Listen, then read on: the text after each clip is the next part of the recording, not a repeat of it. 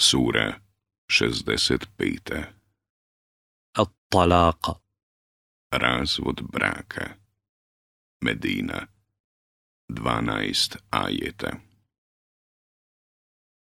U ime Allaha, milostivog, samilosnog. O vjerovjesniče, kada htjednete žene pustiti, vi ih u vrijeme kada su čiste pustite a onda vrijeme koje treba proći brojite i Allaha, gospodara svoga, bojite se. Ne tjerajte ih iz stanova njihovih, ani one neka ne izlaze, osim ako očito sramno dijelo učine. To su Allahovi propisi. Onaj koji Allahove propise krši, sam sebi nepravdu čini. Ti ne znaš. Allah može poslije toga priliku pružiti.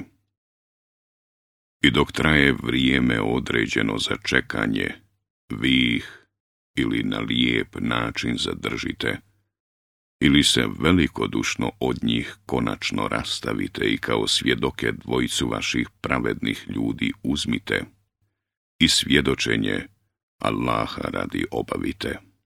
To je savjet za onoga koji u Allaha i u onaj svijet vjeruje.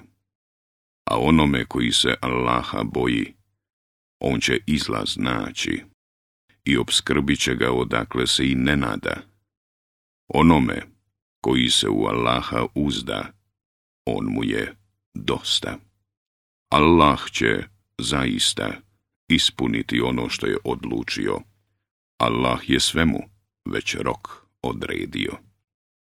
A one žene vaše, koje su nadu u mjesečno pranje izgubile, i one koje ga nisu ni dobile, one trebaju čekati tri mjeseca, ako niste znali.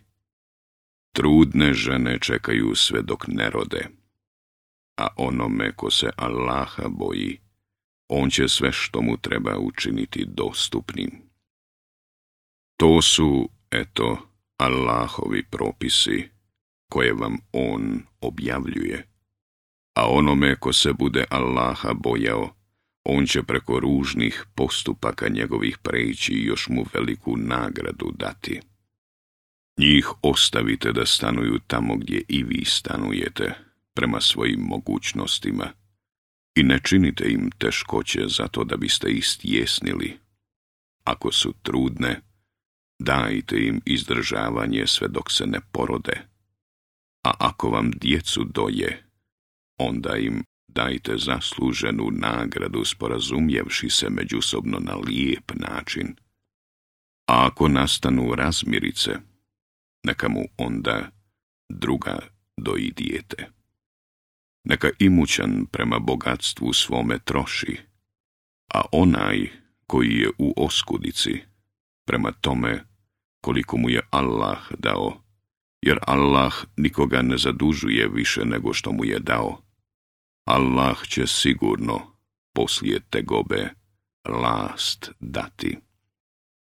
A koliko se sela i gradova oglušilo naređenje gospodara njihova i poslanika njegovih, mi ćemo od njih zatražiti da nam potanko račun polože, i užasnom kaznom ćemo ih kazniti.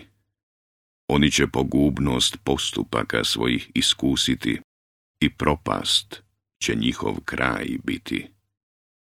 Allah je za njih neizdržljivu patnju pripremio, zato se bojite Allaha, o vi koji ste razumom obdareni, vi koji vjerujete.